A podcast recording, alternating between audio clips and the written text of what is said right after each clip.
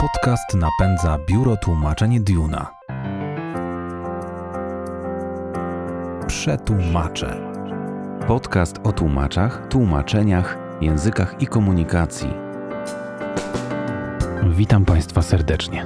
Nazywam się Kacper Wawrzak, a to kolejny odcinek podcastu Przetłumacze. Moja dzisiejsza rozmówczyni, Aleksandra Mrówka-Łobodzińska, to postać odpowiedzialna za popularny facebookowy blog Kisnę Butwiejąc oraz, jak sama o sobie mówi, Belfer do zadań specjalnych.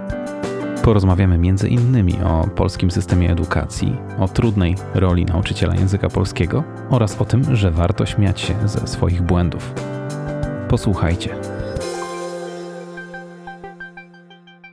Cześć, z tej strony Mrówka. Na co dzień jestem nauczycielem języka polskiego i historii sztuki. Jestem też redaktorem i korektorem tekstów, a w wolnych chwilach, jeśli w ogóle takie posiadam, prowadzę stowarzyszenie Forum Art, które w Zielonej Górze zajmuje się szeroko pojętą kulturą i sztuką. Droga Mrówko, ja chciałbym Cię pytać dziś głównie w naszym podcaście o to, y, jak się pracuje w szkole z Twojej perspektywy. Y, Praca nauczyciela kojarzy mi się, zawód nauczyciela kojarzy mi się z takim, w który nie wchodzi się bez powołania. Różne rzeczy ludzie robią w życiu i, i mają się ich z różnych powodów, ale no, jak ktoś by mi mm, wmawiał, że jest nauczycielem tak po prostu na przykład ze względów ekonomicznych albo e, in, innych jakichś bardziej racjonalnych, to bym nie dowierzał. E, Powiedz mi, jak to było z tym twoim powołaniem? Czy mała mrówka marzyła o tym, żeby być nauczycielką języka polskiego, czy mrówka maturzystka e, w tę stronę kierowała swoje plany? Och, wręcz przeciwnie. Byłam, mówiąc niezwykle łagodnie, niepokorną uczennicą. Zawsze miałam swoje zdanie, którego broniłam, zwłaszcza w liceum, zbyt silnie. Wątpię, żeby nauczyciele e, kojarzyli mnie dobrze, dobrze mnie wspominali. E, Z nauczycielką od języka polskiego cały czas miałam kosę. Nie rozumiałam, dlaczego muszę się uczyć rzeczy na pamięć. Nie rozumiałam, e, po co istotna jest wiedza o tym, jakiego rodzaju ktoś ma skarpetki w którymś rozdziale i czym są wżyrawki. E, Bardzo nie podobało mi się to, że musi być tak, że wyłącznie ona ma rację, że nigdy ja jej nie mogę mieć i nie możemy też mieć racji obie. Nigdy nie mogłyśmy dojść do kompromisu i obiecałam sobie, że nigdy, ale to przenigdy nie będę się zajmować tak irytującym dla innych zawodem. Natomiast w pewnym momencie zdałam sobie sprawę, że bardzo lubię uczyć i robię to w miarę łatwo i lekko. E, I odkąd mogę to robić inaczej e, niż od szablonu, e, dzięki temu mogę wyciągać uczniów, którzy wedle innych nauczycieli nie rokują, to czerpię z tego wielką satysfakcję. Po prostu lubię uczyć. Masz rację, czynnik ekonomiczny nie ma tutaj nic do rzeczy. Żaden nauczyciel nie powie ci, że uwielbia swoją pracę ze względu na to, że jego wypłata jest na tyle lukratywna, że może się co weekend kąpać w szampanie. Nie jest to możliwe, nawet w sowieckiej igrystoje. E, Więc trzeba lubić tę pracę. Albo mieć bardzo bogatego partnera. Ja bardzo lubię swoją pracę. E, Jesteś też tak jakby, e, można powiedzieć, a propos naszego podcastu, tłumaczem. Tłumaczysz z polskiego na nasze. To trudna sztuka? Najtrudniejsza z wszystkich tłumaczeń, z jakimi miałam do czynienia. Tłumaczę rzeczy z angielskiego na polski, z rosyjskiego na polski. Jestem podwójnym filologiem, ale tłumaczenie z tak zwanego polskiego na oficjalny język polski jest najtrudniejszą sztuką. Czasami na tyle trudną, że ja mam problem, by wrócić z tych kolokwializmów albo z tych niestylistycznych stwierdzeń i samemu zbudować e, e, mądre i klarowne zdanie. Dziś spotykamy się po 10 godzinach e, moich lekcji, więc jest bardzo duże prawdopodobieństwo, że mogę sobie pozwolić na jakąś nieścisłość językową. No tak, po 10 godzinach to musisz mieć y, bardzo dużo siły, musisz mieć bardzo dużo energii i ja to odbiję z powrotem do tego, o czym, e, o czym zaczęliśmy, do tego powołania, no bo te, te zasoby gdzieś się kończą, e, wracasz do domu, jesteś zmęczona, na pewno dni się dłużą często, no i skąd, skąd tę siłę czerpiesz? Czerpie się przede wszystkim z energii, którą otrzymuje się na lekcji lub na zajęciach. Prowadzę lekcje w szkole, prowadzę też zajęcia indywidualne, prowadzę zajęcia w grupach. Grupy są różne, tak jak i młodzież jest niezwykle zróżnicowana. Nie wolno o nich nigdy mówić w kategorii jednej konkretnej masy, że ludzie z tego rocznika, ludzie dotknięci pandemią, dzieciaki z podstawówki, czy młodzież z liceum, to jest już w ogóle rozstrzał, gdzie każda z klas Tak. jest zupełnie inna i mentalnie, i w zaangażowaniu emocjonalnym, i w potrzebach, które wykazują. Więc e, grupy są różne. W większości ja chyba mam naprawdę szczęście. W większości trafiam na ludzi, którzy chcą mnie słuchać, e, którzy dają mi tę energię, którzy chcą w tych zajęciach partycypować. Zdarzają się oczywiście takie urocze jednostki, które próbują pokazać, że to nie ja jestem w tej klasie jakkolwiek istotna. Umiem sobie z tym radzić, nigdy nie podnoszę głosu. Myślę, że chyba tym i zasadą argumentacji e, wygrywam. Natomiast to, że im się chce cokolwiek robić, to jest bardzo trudne, kiedy uczy się e, o książkach, które są tak siermiężne, które w większości odstają od realiów, które jakkolwiek ich interesują, że chce im się w ogóle dyskutować. E, myślę, że główną zasadą jest to, że ja faktycznie daję im e, możliwość, daję im pole manewru, daję im miejsce, w którym mogą wypowiedzieć swoje zdanie. Obojętnie jakie nie będzie, ale oto jest dorosły, który słucha zdania młodzieży i chce usłyszeć jego argumentację. I myślę, że na tej zasadzie najlepiej się chyba te lekcje buduje. Ja bardzo lubię pracować w blokach, nie lubię przerw. Znam wiele nauczycieli, którzy uwielbiają okienka, żeby usiąść, żeby się wyciszyć, żeby odpocząć. Ja na takim okienku na pewno zasnę. Więc jeśli jakiekolwiek bym posiadała, to tak, będę drzemać w pokoju nauczycielskim. Obojętnie gdzie, na krześle, stole, nieważne. Naprawdę nie będzie mnie. Więc lubię pracować w blokach. To oczywiście odbija się na moim życiu prywatnym w ciągu tygodnia, bo kiedy wracam do domu, faktycznie muszę się czasami skupić nad tym, że muszę zrobić wdech, wydech albo że muszę mrugać zapominam o podstawowych rzeczach, które muszę w domu wykonać. Natomiast y, jest to lepsze na pewno jakościowo ze względu na zawód, który wybrałam, ze względu na edukację. Robię to w blokach, uczę przez 4 dni, potem 3 dni zajmuję się czymś zupełnie innym. Jakby dzielę wszystkie moje role, które mam, wszystkie zawody i role społeczne, dzielę na konkretne moduły. Wymyśliłam w taki sposób, e, na razie się to sprawdza. No już kilka lat.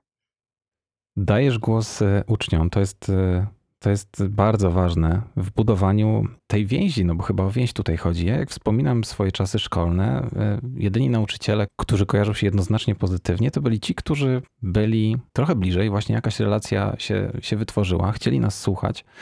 Wydaje się, że to jest droga do zbudowania szacunku właśnie, bycie bardziej ludzkim, bycie bliżej, bycie troszkę bardziej podobnym do uczniów. Czy ja dobrze kombinuję? No bo mm, nie kojarzysz się raczej właśnie z taką nauczycielicą, która e, wygląda jak typowa pani od polskiego, tylko raczej właśnie bliżej tej, tej koleżanki, rówieśniczki? rozumiem, że typowa pani od polskiego to jest taka baba w garsonce z kokiem na głowie, która ma okulary na czubku nosa i pomimo że uczy polskiego dochodzi z linijką i wydziera się od samego wejścia, nie mówiąc dzień dobry. Dziennik pod drugą pachą, tak. I... Tak, już nie ma, są już tylko elektroniczne, więc musiałabym monitor nosić e, pod pachą, żeby jeszcze rzucać groźne spojrzenia na swoich uczniów. E, to kompletnie nie ma sensu i kiedy myślałam o tym, jakim zostanę nauczycielem i w jaki sposób mam w ogóle prowadzić lekcje, zastanowiłam się właśnie nad tym, co powiedziałeś. E, stwierdziłam, że nie będę w najmniejszym stopniu przypominać tych nauczycieli, których ja sama nie lubiłam w liceum.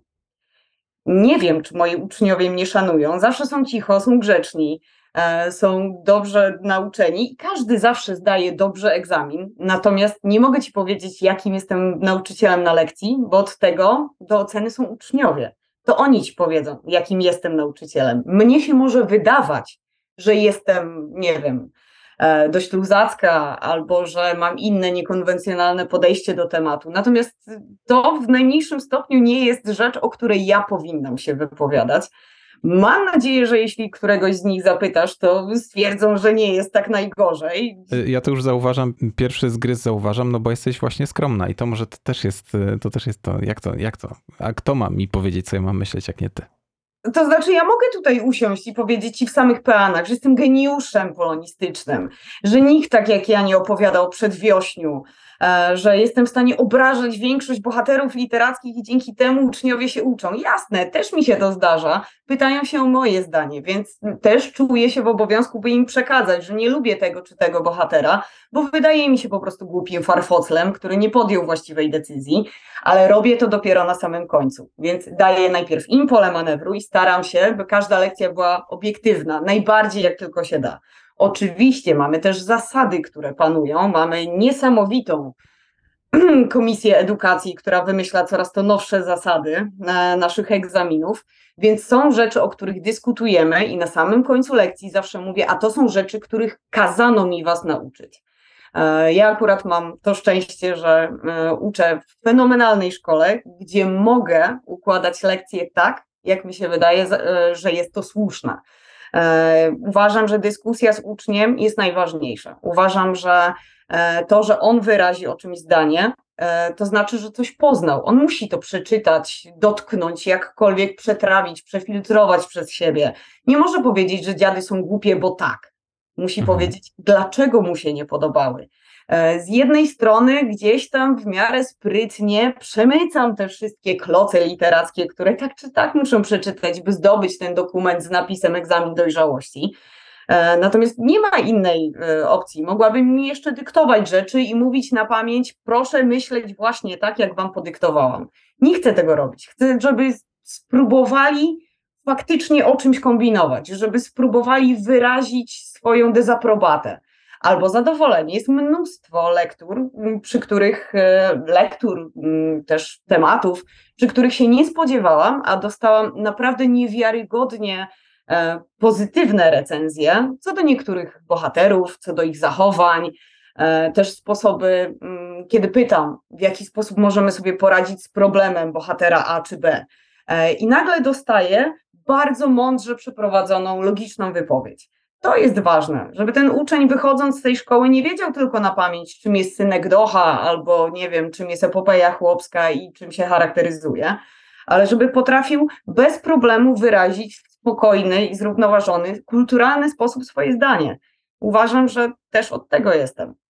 No, wspomniałaś o tym grząskim e, gruncie, którym jest e, podstawa programowa, którym jest system. E, musimy się chwilkę tutaj nad tym systemem popastwić, no bo nie wyobrażam sobie, że można, będąc nauczycielem w, w Polsce, rocznik 2000, rok 2022, 2023, Y, powiedzieć, że, że system mnie, nauczyciela, wspiera, mi pomaga pracować z młodzieżą. Spróbujmy może e, parę zdań na ten temat.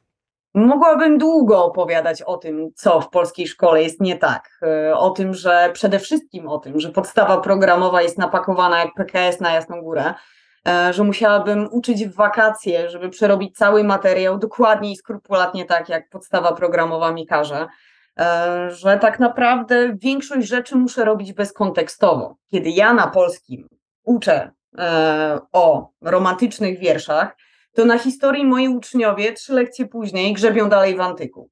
E, tak naprawdę lekcje polskiego przypominają bardziej historię literatury polskiej, gdzie w większości uczeń chce spróbować coś przeczytać, ale odbija się od archaizmów, odbija się od tego, w jaki sposób w renesansie tworzył Kochanowski. E, tak naprawdę na języku polskim najwięcej czasu spędzamy na romantyzmie. Współczesność kończy się praktycznie na latach 60. XX wieku i młody człowiek jest trochę pozostawiony bez tych kontekstów. Nie do końca rozumie, dlaczego i w jaki sposób przechodzą pewnego rodzaju procesy. Więc trzeba to omawiać o wiele szerzej, zupełnie inaczej. E, I tak naprawdę nie zawsze jest na to czas. Wielu nauczycieli bardzo często używa tego stwierdzenia, bo na to nie było czasu. Słuchajcie, nie mamy na to czasu, musimy lecieć z materiałem. I uczniowie niewiarygodnie się na to irytują, i ja ich rozumiem. Natomiast z drugiej strony, nauczyciel ma też swojego pracodawcę i ma swoje wytyczne, którym właśnie jest podstawa programowa. Więc, żeby zrobić właściwy sposób przekazania wiedzy i przygotować ucznia do egzaminu, który czeka go po czterech latach liceum, trzeba się naprawdę nagimnastykować. E, to nie jest łatwe, na pewno zajmuje niewiarygodnie dużo czasu, ale też przeciąża uczniów. Trzeba też o tym pamiętać, e, że nie można od nich wymuszać non-stop wielkiej koncentracji na lekcjach. Kiedy ja mam uczniów w klasie maturalnej, gdzie oni 60 razy dziennie słyszą słowo matura i już im się robi niedobrze, a jeszcze dodatkowo po 7 godzinach lekcyjnych, w tym dwóch e, z WF-u, nagle ja rzucam hasło gramatyka, a oni radośnie przejdą do przyswajania wiedzy. Nie, na pewno padną na tej ławce w takiej pozie rannego powstańca i ja też muszę to zrozumieć. Człowiek nie może aż tylu, człowiek nie jest gąbką. O, może tak. na pewno tego wszystkiego nie przyjmie. Natomiast to, czego każe podstawa programowa, to uczenie się rzeczy na pamięć. To jest wyciąganie rzeczy z tekstów literackich, bo ktoś pomyślał, że tak powinno się to zrobić.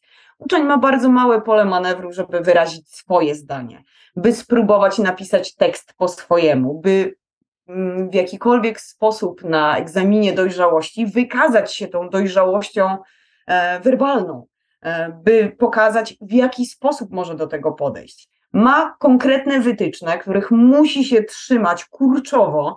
Nie daj losie napisze więcej niż każe mu polecenie, to nagle są mu zabierane punkty. E, mamy teraz rocznik, tegoroczni, e, przyszłoroczni, tegoroczni w sensie w kontekście roku szkolnego, maturzyści. To jest, e, to są dzieciaki przekoziołkowane absolutnie przez to, co działo się przez ich cztery lata w liceum. To, są, to jest kilka lat pandemii, to są naprawdę wielkie problemy, to jest zmiana, to jest pierwszy tak naprawdę rocznik, który wejdzie w tak zwaną nową maturę, przyszłoroczną, przygotowaną okrutnie, okropnie źle, zwłaszcza z języka polskiego. Mam wrażenie, że usiadły tam dwie osoby. Jedna, która była niewiarygodnie mądra i stwierdziła, tchnijmy nowoczesność w egzamin maturalny, i druga, która powiedziała, nie, zostańmy w XIX-wiecznych Prusach i dowalmy im czymś takim, o czym nie mają pojęcia. Mo, ha, ha, zabierzmy im też miliony punktów, bo możemy. E, więc te dwie osoby usiadły razem i wymyśliły nowe zasady maturalne, które są niewiarygodnie niesprawiedliwe. Ja się z nimi nie zgadzam. E, I te kryteria z języka polskiego są teraz niewiarygodnie płynne. Jedna osoba może komuś ocenić maturę na 50%, inna na 85%. I wyjdzie z tej tabeli, z obliczania matury pis e, pisemnej, że każda z tych stron tak naprawdę ma rację. Mhm. Tylko, że na tym cierpi uczeń. Cierpi młody człowiek, od którego punktów zależy to, czy dostanie się na swoją wymarzoną uczelnię, na swój wymarzony kierunek. Więc znowu jesteśmy w takim systemie, znowu jesteśmy w takim momencie polskiej edukacji, gdzie próbujemy iść do przodu, ale jednak cofamy się okrutnie do czasów, w których być już dawno nie powinniśmy. I znowu coś testuje się na uczniach, testuje się, stresuje się ich niewiarygodnie, niepotrzebnie okrutnie, ponieważ tak naprawdę punktacja, którą dostaną, o której wszyscy im mówią, że jest tak niesamowicie ważna, to jest wróżenie z fusów. Nie mogę, mimo iż uczę od 15 lat e, i na zajęciach indywidualnych i w szkole, uczeń się mnie pyta, jak piszę swoje rozprawki.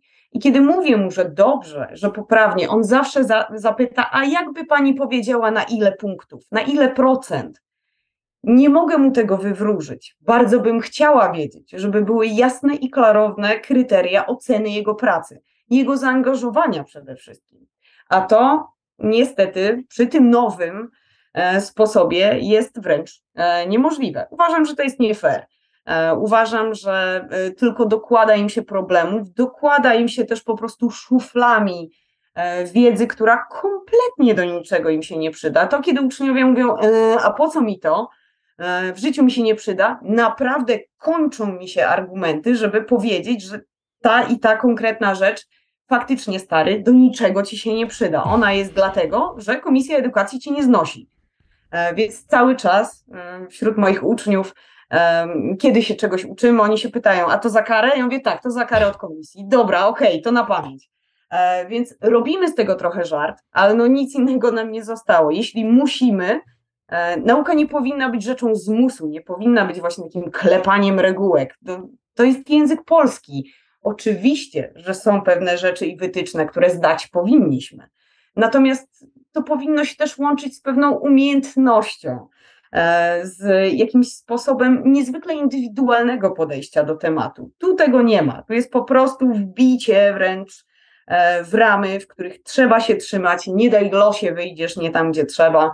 A jeszcze w tym roku wracają e, egzaminy ustne w formie tak rozdmuchanej i tak niepotrzebnie skomplikowanej, e, że ci uczniowie, oni nie mają nawet chwili na odpoczynek. Jesteśmy na początku grudnia, a ja mam wrażenie, że oni już mają przepalone bezpieczniki w głowie i nie będą w stanie ich doładować nawet na przerwie świątecznej cały czas uczą się czegoś, cały czas dorzucają nowe moduły i mają to przeświadczenie, że dalej wiedzą za mało, że muszą więcej.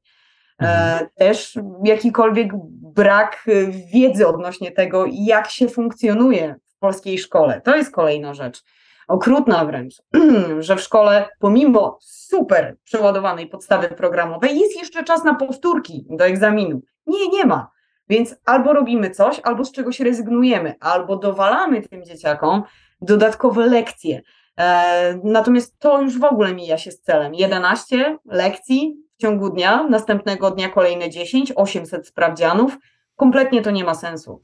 E, najmniejszego nawet. Więc będziemy mieć bardzo przeciążony rocznik, dość mocno skrzywdzony.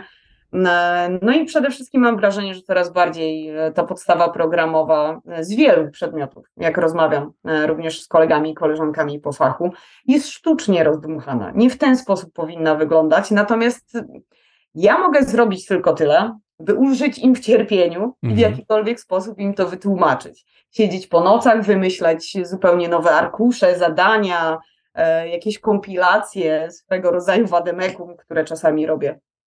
E, natomiast nie zrobię wszystkiego.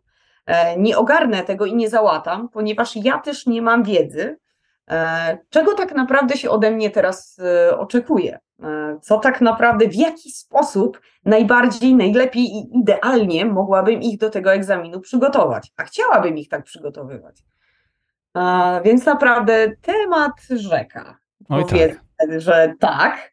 Natomiast, e, no tak jak już e, stwierdziłam, mamy te dwa zespoły dziwnych ludzi, e, gdzie siedzi ktoś wyjątkowo niekompetentny i złośliwy i ktoś, kto faktycznie miał kilka dobrych pomysłów, to złączono razem i tak naprawdę po, mieliśmy ostatnio e, egzaminy próbne, e, które były swego rodzaju diagnozą. E, Jak moi uczniowie się uczą, w jaki sposób przyswoili wiedzę z tych e, lat. Tylko tak naprawdę ja nie mam do czego tej diagnozy odnieść, głównie dlatego, że teraz będzie zupełnie nowa matura, której nie mogę porównać na tle wcześniejszych roczników. Mam zupełnie inny model. e, I tak naprawdę diagnozy, które przeprowadzam, czy egzaminy próbne, dalej nie dają ani mnie, ani moim uczniom żadnej konkretnej wiedzy, co dalej albo jak będzie. I to jest ten stres, który niepotrzebnie jest dla nich e, dokładany.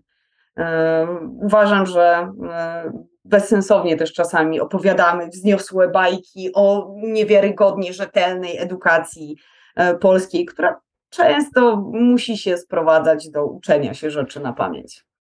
Chciałem jeszcze dopytać Cię, bo wspominasz o tym, że, że korepetycje, te korepetycje są, są na pewno potrzebne przy takim obłożeniu programowym. Na pewno to konieczność.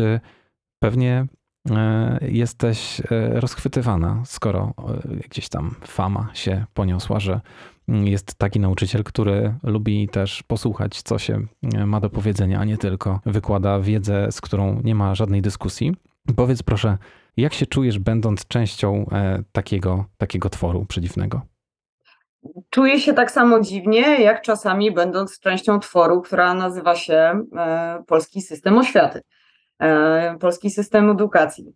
Korepetycje są tak naprawdę dla dwóch grup uczniów. E, dla tych, którzy niezbędnie, pilnie ich potrzebują czasami odzywają się mm, albo szukają ich zbyt późno.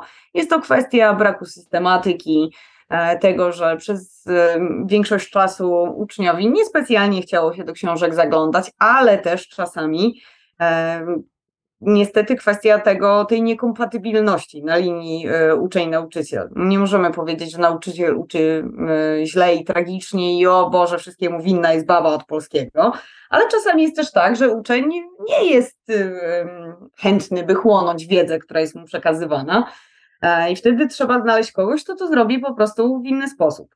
Moją drugą grupą uczniów są ci, którzy radzą sobie doskonale. Bardzo często ich dopytuję, dlaczego przychodzą. To znaczy, jestem, jest mi bardzo miło, że są, ale ja im nie jestem do niczego potrzebna. To jest bardziej kwestia tego, że oni chcą mieć pewność, że to, co robią, robią dobrze.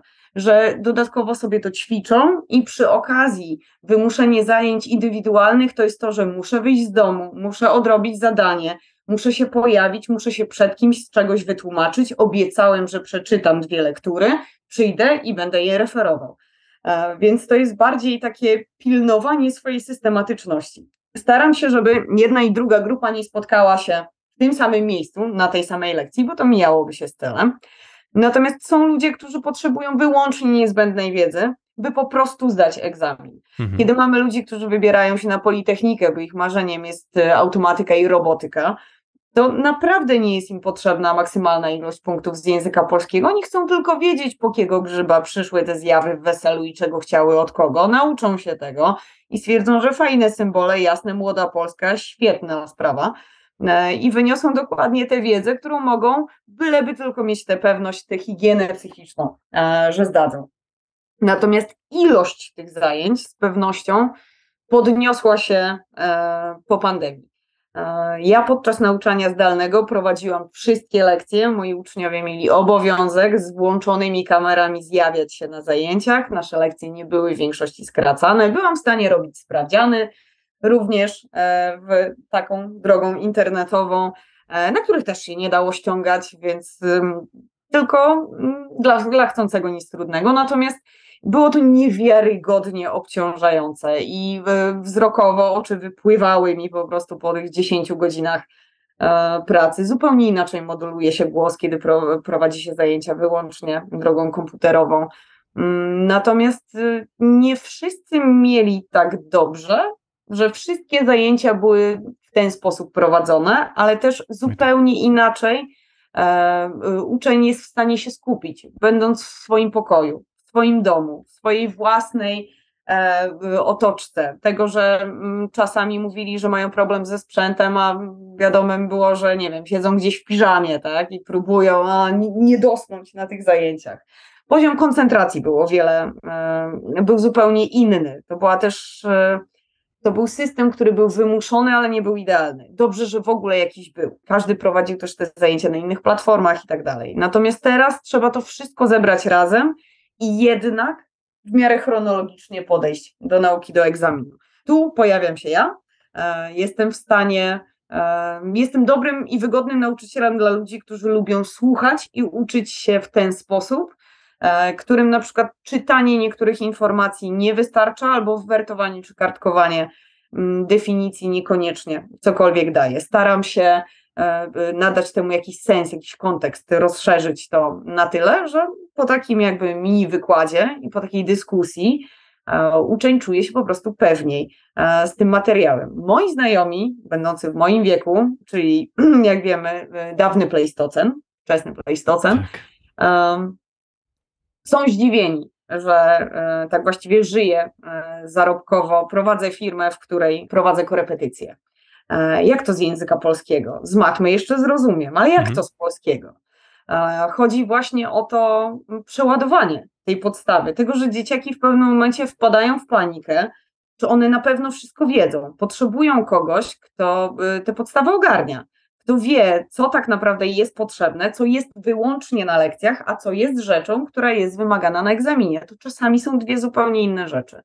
Bardzo dużo uczniów, którzy się u mnie pojawiają, to uczniowie z ósmej klasy, którzy muszą napisać, mm, specjalnie używam słowa muszą, muszą napisać swoje egzaminy idealnie, żeby dostać się do szkół, do których chcieliby się dostać.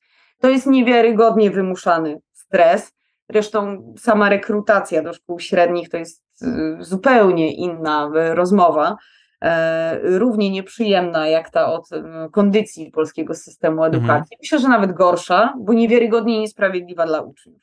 E, Tak naprawdę e, ich ośmioletnia edukacja jest sprowadzona do trzech egzaminów na krzyż, e, a ich wybory życiowe e, sprowadzone do trzech tabelek z procentami z punktacją, która tak naprawdę o niczym nie świadczy i na pewno nie jest y, przełożeniem tego, jaki jest ten młody człowiek i jakie są jego umiejętności czy predyspozycje. Mówisz o egzaminie, mówisz o tym, że egzamin jest tym, e, tym celem, e, żeby go, zdanie go jest tym celem, a gdybyśmy tak troszeczkę dalej chcieli sięgać, po co to wszystko, a kiedy mi się to, a czy mi się to w ogóle przyda, to chyba koniec końców chodzi o to, żeby dorośli ludzie, którzy mają maturę z polskiego, posługiwali się tym narzędziem, e, trudnym narzędziem w użytkowaniu, jakim jest język polski jako tako, e, prawidłowo. E, Co jeszcze można uznać za taki, za taki cel e, najwyższy z najwyższych, który nam tutaj przyświeca w kształceniu e, polskiej młodzieży w języku polskim? Przede wszystkim zdolność komunikacji. E, To jest najważniejsza rzecz w kształceniu, jakimkolwiek podejściu do kształcenia z języka polskiego. To nie jest absolutnie tak, że dobrze posługują się językiem polskim wyłącznie osoby, które zdały egzamin maturalny. Ani trochę. E, tutaj bardziej chodzi o kwestię zaangażowania, obycia, też o czytania. To, że uczniowie nie czytają lektur, wcale nie oznacza, że nie czytają książek. To trzeba sobie zawsze wytłumaczyć. E, też nie byłam wielką fanką większości pozytywistycznych dzieł, które były mi serwowane w liceum, ale to wcale nie znaczy, że nie rozczytywałam się wtedy e, w książkach science fiction czy w horrorach, które uwielbiam do dziś i od których półki pękają mi w domu, odpadają mi wręcz na regałach. Natomiast dobre posługiwanie się językiem powinno już e, być umiejętnością ucznia po szkole podstawowej, e, by te podstawowe błędy, e, jakkolwiek podejmowane w przestrzeni publicznej, po prostu nie występowały. Tak to powinno wyglądać. Nie, żebyśmy się nauczyli, jak się pisze przemówienie, esej czy dedykację, ale żebyśmy potrafili się ze sobą komunikować. Na to wpływa mnóstwo czynników. Mamy chociażby slangi, E, oczywiście, że nie będziemy ze sobą rozmawiać wyłącznie literackim językiem. Tu chciałabym zdementować, że nie tak wyglądają dyskusje w pokoju nauczycielskim, mhm. e, że mówimy do siebie wyłącznie perwać panie, wać panno i e, później rzucamy jakimś wzniosłym cytatem i dyskutujemy o tym, komu szczypior ładniej na działce wyrósł. Mm, natomiast wszystko ma swoje miejsce i ma swój czas.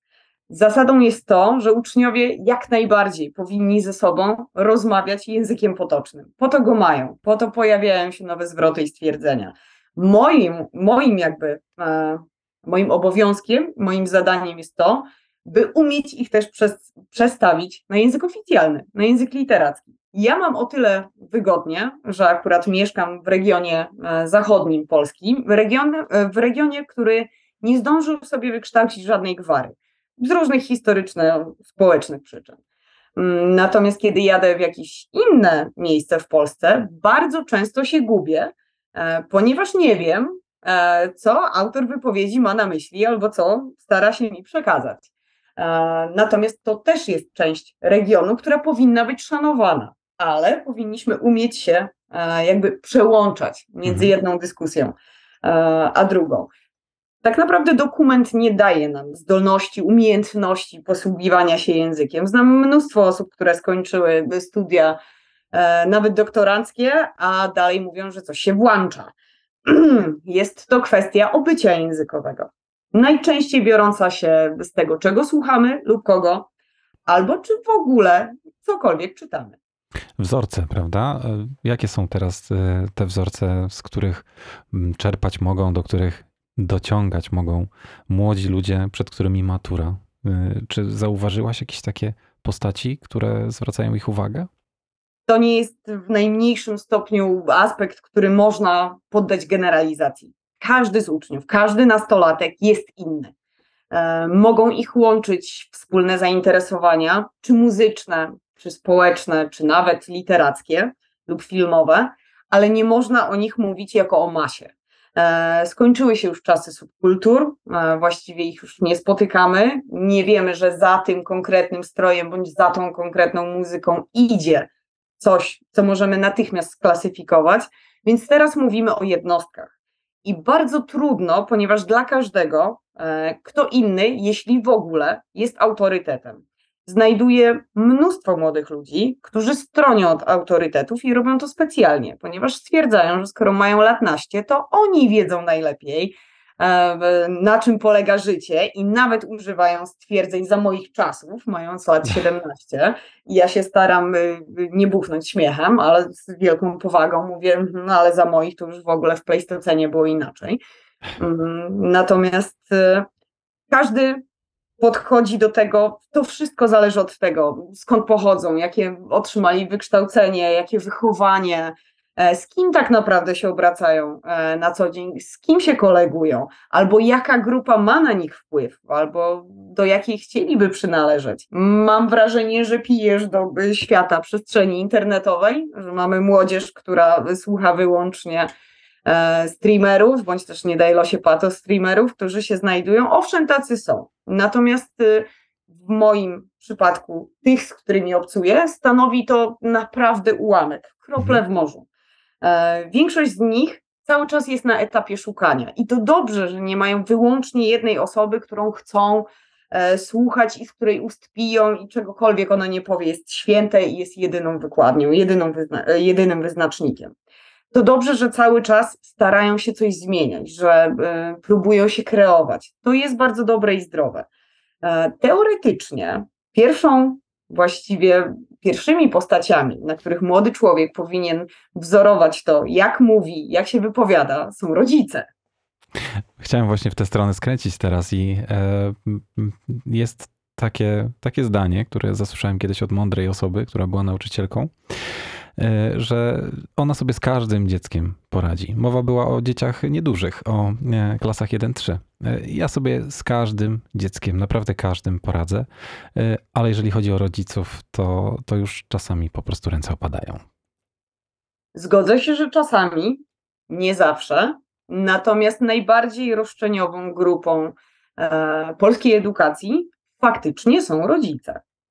To trzeba przyznać. Dziecko nie jest dziecko czy nastolatek, nie jest samo w sobie bezczelne czy roszczeniowe. Ono musiało gdzieś to zaobserwować, w jakiś sposób się tego nauczyć. Ja też nie mam problemów i poradzę sobie z każdym uczniem. Zdarzają się przypadki, kiedy nie jestem w stanie nawiązać jakiegokolwiek dialogu e, z rodzicem. Mam z tym problemy. Czasami nawet e, na fanpage'u, który prowadzę, zamieszczam coś, co nazywam telefonami z piekła rodem. Dyskusjami z niektórymi rodzicami, które e, kończą się albo zerwaniem współpracy, albo kompletnym jej e, niepodnoszeniem. Tak? Mhm. Natomiast nie robię tego po to, by kogoś wyśmiać, bardziej robię to ku refleksji. Jeśli ktoś zauważył u siebie, zaobserwował podobny sposób załatwiania czegokolwiek, może najdzie go refleksja, to bardziej nadzieja z mojej strony, i nie będzie w ten sposób e, ani traktował, ani reagował na, na, drugiego człowieka. Robię to bardziej e, z tego względu. Natomiast tak, my jesteśmy, my jako nauczyciele, e, też przez wiele osób jesteśmy traktowani jako wyrobnicy, bo my musimy, bo jedyną grupą, która może cokolwiek zmienić w polskiej edukacji są nauczyciele. Nie, nie są. Nauczyciele pewnie kilka lat temu podjęli strajk, spotkali się z tym, w jaki sposób są w przestrzeni społecznej e, w ogóle traktowani i jakie stereotypy krążą na ich temat, i nauczyciele się poddali. Teraz jedyną grupą, która może cokolwiek zmienić, jakkolwiek zareagować, są rodzice dzieciaków, którzy żyją w tych podstawach programowych, które są. Od nas już nic nie zależy. My już mamy szefa, my mamy mm, rzeczy, których musimy w pracy dopilnować. Nie możemy sobie pozwolić na to, żeby czegoś nie zrobić lub nie, bo jesteśmy z tego rozliczani. My rozliczamy również dzieci, które uczymy. Natomiast bardzo często, zwłaszcza na zajęciach, e, które prowadzę na zajęciach prywatnych, bardzo często spotykam się z roszczeniową postawą, też czasami z prośbami, o których nigdy bym nie pomyślała, że można, e, albo pytaniami, które można zadać osobie, której się nie zna. Też wchodzeniem trochę w moje prywatne życie, czego absolutnie nie lubię, nie życzę sobie i nie uważam, żeby moje życie prywatne w jakikolwiek sposób wpływało na to, jakim jestem nauczycielem. E, natomiast zdarzają się też takie pytania. Ja jestem bardzo sarkastyczną osobą, więc e, reaguję na to bardzo dużą dawką czarnego humoru. Zdarza mi się, natomiast wiem, że z taką osobą nie dam rady podjąć współpracy. A kiedy mamy ucznia, który jest niepełnoletni, ja przede wszystkim współpracuję z jego rodzicami. Szkoda mi, że nie mogę poznać młodego człowieka, że nie mogę go czegoś nauczyć, ale są pewne rzeczy, których przeskoczyć się nie da. Sporo tych historii znaleźć można w pewnym miejscu w internecie, które zdobyło sobie już wielu, wielu fanów. 26 tysięcy na dzień dzisiejszy fanów, śledzących profil na Facebooku o wdzięcznej nazwie Kisnę Butwiejąc, który Mrówko prowadzisz. W sumie nie wiem od kiedy, zaraz mi pewnie powiesz od kiedy, jak to wszystko się zaczęło. Dobrze.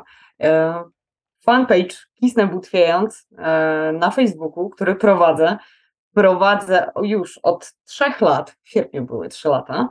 Tam zamieszczam wszystkie kwiatki, które zebrałam przez 15 lat y, prowadzenia zajęć, czy szkolnych, czy indywidualnych. Byłam przekonana, że kiedy zaczęłam tworzyć tę stronę, y, że moimi czytelnikami będą moi uczniowie.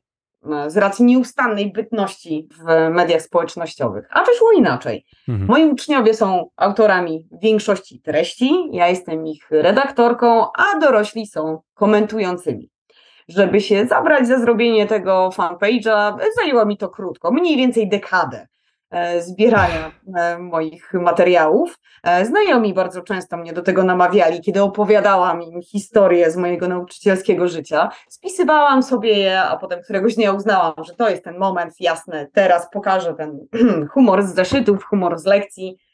Jestem niespecjalnie e, dobrym nazywaczem, więc nazwa mnie na długo zblokowała. Jest oczywiście nietypowa. E, Natomiast pomógł mi w jej wymyśleniu. Mój partner zapytał się, co czuję, kiedy mam do przeczytania 100 rozprawek i w każdej trafiam na błąd, o którym już mówiłam tysiąc razy. I jakoś tak w trakcie tej rozmowy wyszło, że jak już widzę ten błąd, to kisnę, a potem już w ogóle butwieję. I w ten sposób powstała nazwa e, tego fanpage'a. Jest y, mm, rzeczywiście, są takie informacje, które zanim ułożą się w głowach młodych ludzi i nabiorą tam mocy sprawczej, to trzeba im je wyłożyć tysiąc, e, tysiąc razy. Taka moja praca.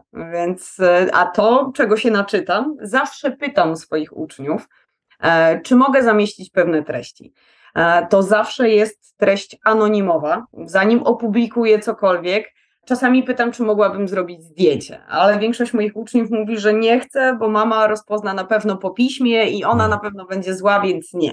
Natomiast z błędów, które powstają, staram się zamieścić te, które niosą za sobą jakiś pierwiastek żartu.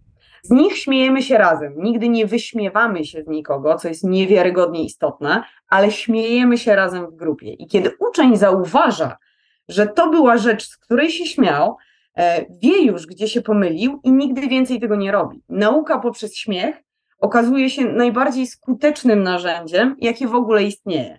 Najbardziej efektywną metodą, jaką w ogóle wypróbowałam przez wiele lat e, mojej pracy.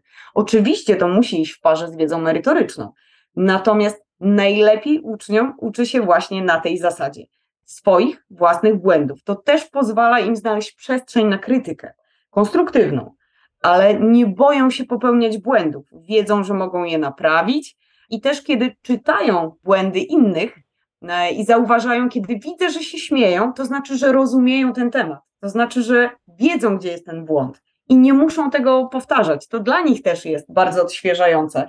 Faktycznie, tyle już umiem, rozumiem większość tych żartów, czyli mam tak naprawdę mniej rzeczy do powtarzania, ale super. E, Też ym, zauważam to po e, czytających, po komentujących. Mało osób pisze, a o co tu w ogóle chodzi, a co to za koleś, a co to niby za lektura. E, Tylko większość jednak coś e, z tej szkoły pamięta.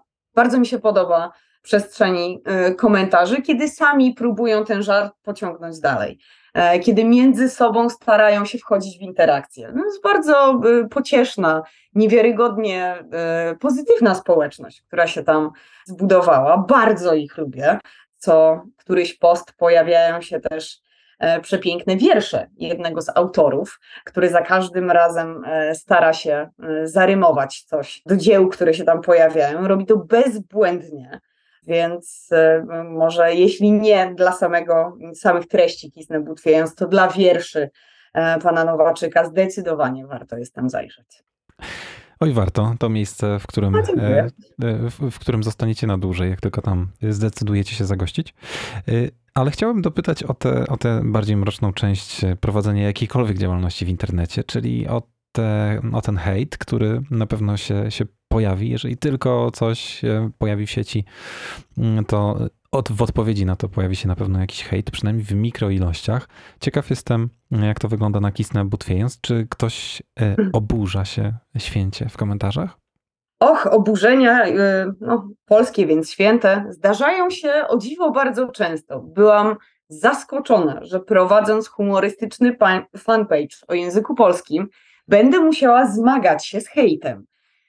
To się nie mieściło w ogóle w, w zakresie tego, co sobie wymyśliłam. Myśl, myślałam, że ktoś to polubi lub nie, e, zajrzy, skomentuje to by było na tyle. Natomiast pojawia się bardzo często, pojawiają się komentarze osób, które nie czytają ze zrozumieniem, które nie rozumieją, że jest to forma żartu. Bardzo często zarzuca mi się, że wyśmiewam swoich uczniów. Nigdy bym tego nie zrobiła. Natomiast może faktycznie, jeśli ktoś tam wchodzi niezaznajomiony z tematem i nie doczyta przynajmniej jednego czy dwóch postów, wątpię, że może mieć takie odczucia, ale niechże będzie. Zdarzają się i takie rzeczy. Najwięcej chyba nienawistnych komentarzy zdarza się przy okazji akcji, które prowadzę. Zawsze organizuję akcje, e, aukcje z okazji Wielkiej Orkiestry Świątecznej Pomocy. Tam też wystawiam lekcje ze mną jako jedną z aukcji. Zawsze chciałabym się przyczynić do jakiegoś celu. Wtedy pojawiają się hejterzy samej tej akcji, wyzywający mnie i moich gości na moim fanpage'u. Mnie, pal licho, jakoś to zniosę. Nie jestem zupą pomidorową, nie każdy musi mnie lubić. Natomiast obrażanie osób, e, które się pojawiają u mnie, które są moimi gośćmi, na to już na pewno nie będę zezwalać. E, kiedyś jeszcze tłumaczyłam pewne rzeczy, pomimo już konkretnie fanpage ma wytłumaczenie, po co powstał, dlaczego istnieje i jakie treści można w nim znaleźć, to i tak często w komentarzach znajduję rzeczy, których nie chciałabym czytać. Kiedyś jeszcze grzecznie i z kulturą zwróciłabym uwagę. Robiłam tak na samym początku. Teraz uważam, że naprawdę szkoda czasu, by tego rodzaju treści w ogóle gdzieś w przestrzeni internetowej istniały, więc po prostu je kasuję.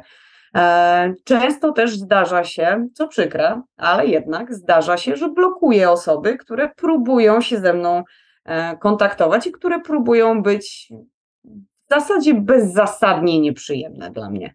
E, nigdy tego nie zrozumiem. Bardzo duży napływ hejterów pojawił się po jednym z artykułów w gazecie wyborczej. Był taki headline, który odnosił się do mojej apostazji i jak się wtedy zjechali fani parawaningu, e, którzy mieli przepiękne zdjęcia z wnusiami. Myślałem, że może obrońcy Cezarego Baryki. E, to, to zdarzają się w komentarzach i pytają się mnie dlaczego. Ja im zawsze odpowiadam naprawdę najdelikatniej jak potrafię. No nie znoszę kalafiora, po prostu nie zniosę gościa. Nie wiem jak można z takiego z takiej persony zrobić głównego bohatera. No to przecież każdą, nawet najlepszą historię skiepścisz takim farfoclem. To nie da się. Chociaż moi uczniowie na przykład bardzo, e, przynajmniej ten rocznik, który w zeszłym roku miał tę przyjemność obcować z tym wiekopomnym dziełem, e, oni bardzo polubili tę książkę. Stwierdzili, że jest napisana fenomenalnie, żywo, dynamicznie, podawali na to konkretne argumenty. Pełna zgoda. Mnie się coś nie podoba, im tak, ale cały czas żyjemy e, na zasadzie argumentacji. Oni się bardziej śmieją, kiedy ja się irytuję. E, kiedy tam zaciskam ręce w piąstki i mówię, że to głupi jest, to nie, tak nie powinno być, to chyba bardziej czekają na jakiś taki performance, żebym ja się ubudowała. To jest właśnie to ludzkie oblicze chyba. To myślę nie umyka. To jest ważne bardzo w budowaniu autorytetu, żeby pokazać, że nie jest się jakąś taką e, woskową figurą, tylko też się ma swoje emocje i swoje zdanie. Nauczyciel powinien być jakiś. Obojętnie jakie ma poglądy, czy one są lewe, prawe, środkowe, boczne, jakiekolwiek jak wygląda, w jaki sposób się wypowiada, albo o czym, czy coś lubi, czy nie. Ale on musi, on musi być stworzony z czegoś innego niż nasze państwo. Nie może być z dykty, nie może być z kartonu. E, on naprawdę, od niego powinien młody człowiek móc odbić właśnie swoje zainteresowania, swoje zdanie, czy podoba mi się, czy nie, czy zgadzam się z panem, panią, czy niekoniecznie, ale zawsze w sposób taki, gdzie istnieje jakakolwiek przestrzeń na wymianę zdań. Obojętnie jakim się nie jest, trzeba być jakimś. Nauczyciel nie może być tylko wypluwającym formułki, chodzącym podręcznikiem, który mruga, ale musi też pokazać, że on czegoś jest ulepiony, e, że ma jakiekolwiek nie tylko zdanie, ale zasady, jego postawa jest też niezmienna. E, nie może przychodzić i mówić, a dzisiaj mi się nie chce, a potem być zdziwionym, że jak to uczniom nie chce się na lekcji, jeśli tobie się nie chce, to im się na pewno nie będzie chciało. Albo mhm. opowiadać, ale mnie dzisiaj tam, nie wiem, ale mnie dzisiaj stary wnerwił przy śniadaniu. Nikogo to nie interesuje. Oni mają naście lat i oni mają po uszy problemów, które przerastają nasze, e, jakiekolwiek, nie wiem, kłótnie, albo to, że odpadł nam kołpak, czy zapłaci, zapomnieliśmy zapłacić za prąd. Życie emocjonalne młodego człowieka to jest werter razy milion, i nie przebijemy i nie znajdziemy w nich współczucia, ale mi się dzisiaj smutno albo spać mi się chce. Oni nie spali trzy dni, bo oglądali swój ulubiony serial. Nie przebijemy się z tym, e, więc musimy też czasami pokazać, oczywiście, e, tę bardziej ludzką stronę. Cześć, słuchajcie, dzisiaj jestem niewiarygodnie zmęczona. Czy moglibyśmy zrobić lekcję, e, która będzie, nie wiem, z mniejszym pierwiastkiem emo- emocjonalnym? Albo bardzo Was przepraszam, ale przed chwilą doszło do stresującej sytuacji. Mogę być na początku tej lekcji jeszcze trochę poirytowana, poproszę Was o zrozumienie. Nie można wparować e, na lekcję jak huragan i być zdziwionym albo drzeć się na e, swoich uczniów, kolokwialnie ujmując, i być zdziwionym, że im się to nie podoba. Nie, nie można wpaść do kogoś i zamiast dzień dobry powiedzieć, że nie wiem, że jest kalafiorem jak Cezary Baryka, że tak sobie pozwolę nawiązać e, i nie wiem, wstawić mu jedynkę za byle co. Ważną sprawą w tym wszystkim, myślę sobie, rozmawialiśmy o poczuciu humoru, bo, bo Kisny Butwiejąc to humor e, w czystej postaci. Ważne w tym wszystkim jest pewnie w tej, w tej ludzkiej wersji nauczyciela jest też poczucie humoru, o którym wspomniałaś, że lubisz się pośmiać i że przez śmiech faktycznie w pamięci zostaje dużo więcej. Tu pełna zgoda. Mhm. E, Chciałbym odbić do, do Zielonej Góry jako zagłębia polskiego kabaretu. E, Wiem, że maczałaś palcem w wydawnictwie, które tę zielonogórską scenę kabaretową próbuje podsumować. Powiedz trochę więcej na ten temat. Faktycznie maczałam e, palce w tym przedsięwzięciu. Jestem współautorką książki o historii zielonogórskiego zagłębia kabaretowego. Książka wyszła, jeśli dobrze pamiętam, 5 lat temu e, i opiera się na 60 wywiadach z osobami, które tę scenę tutaj zakładały, w tym z wszystkimi członkami e, legendarnego kabaretu Potem. I też miejsca, które właściwie, e, w którym rodziła się większość e, przedsięwzięć związanych z kabaretem. Jest to Studencki Klub Gęba, który istnieje po dziś dzień, znajduje się e, na terenie już Uniwersytetu Zielonogórskiego. Co prawda nie zrzesza już z taką intensywnością, natomiast próbowaliśmy z współauto- współautorem, z Marcinem Olechnowskim, przeprowadzić czytelnika po osi czasu od lat 80. do mniej więcej 2002-2003, e, gdzie ten niewiarygodnie intensywny okres miał miejsce i chcieliśmy pokazać, jak wygląda to współcześnie. E, Też ze względu na zaangażowanie, co robią ci, którzy te wszystkie kabarety zakładali, czy jeszcze działają e, na scenie, czy jeszcze działają w zawodzie. Większość e, dalej ma się całkiem nieźle, występuje estradowo. Niektórzy przeszli w stronę stand-upu, e, niektórzy nie lubią go, bo uważają, że e, nie jest to naturalna forma żartu, bo pozwala sobie też na przekleństwa, pozwala sobie na kolokwializmy i nie ma tego e, literackiego, inteligentnego żartu, który można e, wyczuć w kabarecie. Natomiast kabaret polski trzeba troszeczkę e, jednak rozdzielić. Jest ten e, przaśny, ten, który możemy obserwować w mainstreamowych mediach w większości wypadków. To nie jest ten, który pozwoli się nam zastanowić, czy nie wiem, odwołać się do historii czy literatury. To nie jest kabaret potem, e, w którym będziemy rozmawiać, będziemy mieć wywiad z Antygoną. To absolutnie nie jest ten poziom, ale też nie możemy mówić, że wszystko, co tam powstawało, czy powstaje teraz, e, jest złe, tragiczne i jeśli mainstreamowe, to fuj. Powstała ta książka, tak jak już mówiłam, jakieś 5 lat temu, powstawała przez ponad rok. Zrobiliśmy mnóstwo wywiadów, które później spisywaliśmy, szukaliśmy zdjęć. Wyszło nam prawie 600 stron e, tej historii, czysto związanej z samą Zieloną Górą. Mawia się, że Zielona Góra to jest takie zagłębie kabaretowe. Dalej nie, dalej nie wiemy dlaczego. To nie jest kwestia powietrza, czy bardziej chyba kwestia tego, że mamy tutaj bardzo dużo artystycznie nastawionych ludzi, e, którzy działają w różnych grupach, nieformalnych społecznych grupach e, dosyć często. E, Nie tylko mówi się o nas jako o zielonogórskim zagłębiu kabaretowym, ale też w latach 90. mówiło się jako o zagłębiu muzyki metalowej. Więc mamy tutaj naprawdę szerokie pole manewru. Zapraszamy, jeżeli ktoś by chciał. Mamy tu fajnych nauczycieli, tak słyszałam.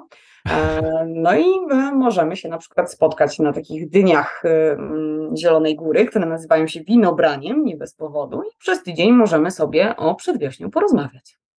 To brzmi wspaniale. Takie zaproszenie jest bardzo, bardzo kuszące. Ja w Zielonej Górze nigdy nie byłem, a jako fan e, właśnie kabaretu potem na pewno chciałbym e, tę kolebkę odwiedzić, zobaczyć, powąchać. Po prostu wpiszę sobie w pierwszy możliwy termin takie odwiedziny, Mrówko, i mam nadzieję, że, e, że znajdziesz tam czas na, na kawę, żebyśmy o tej zielonogórskiej scenie kabaretowej, żebyśmy o języku polskim, żebyśmy o e, Kisnę Butwiejąc mogli porozmawiać dłużej, bo e, mam niedosyt pewien faktycznie po tej rozmowie. E, moglibyśmy nakręcić pewnie jeszcze kilka odcinków na ten temat. Bardzo Ci dziękuję za, za dziś. To ja dziękuję za zaproszenie i dziękuję też, że mnie powstrzymałeś, jeśli nie mam tego ograniczenia w postaci dzwonka lub tego, że ktoś mówi, musimy kończyć naszą rozmowę, to ja mogę się nie zatrzymać. Was, drodzy e, słuchacze i słuchaczki, zapraszamy serdecznie na Kisnę Butwiejąc na Facebooku. E, Myślę, że nie będzie problemu ze znalezieniem e, tego, tego profilu, wpisując te dwa słowa. Jestem nawet pewien. E, No i e, też wbijajcie do Zielonej Góry, bo to miasto, gdzie są najlepsi nauczyciele w Polsce. Dzięki, Brówko. Bardzo na zdrowie, dziękuję również. I Wam, drodzy słuchacze i słuchaczki, bardzo dziękuję za uwagę. Zapraszam do wysłuchania kolejnych odcinków podcastu Przetłumaczę.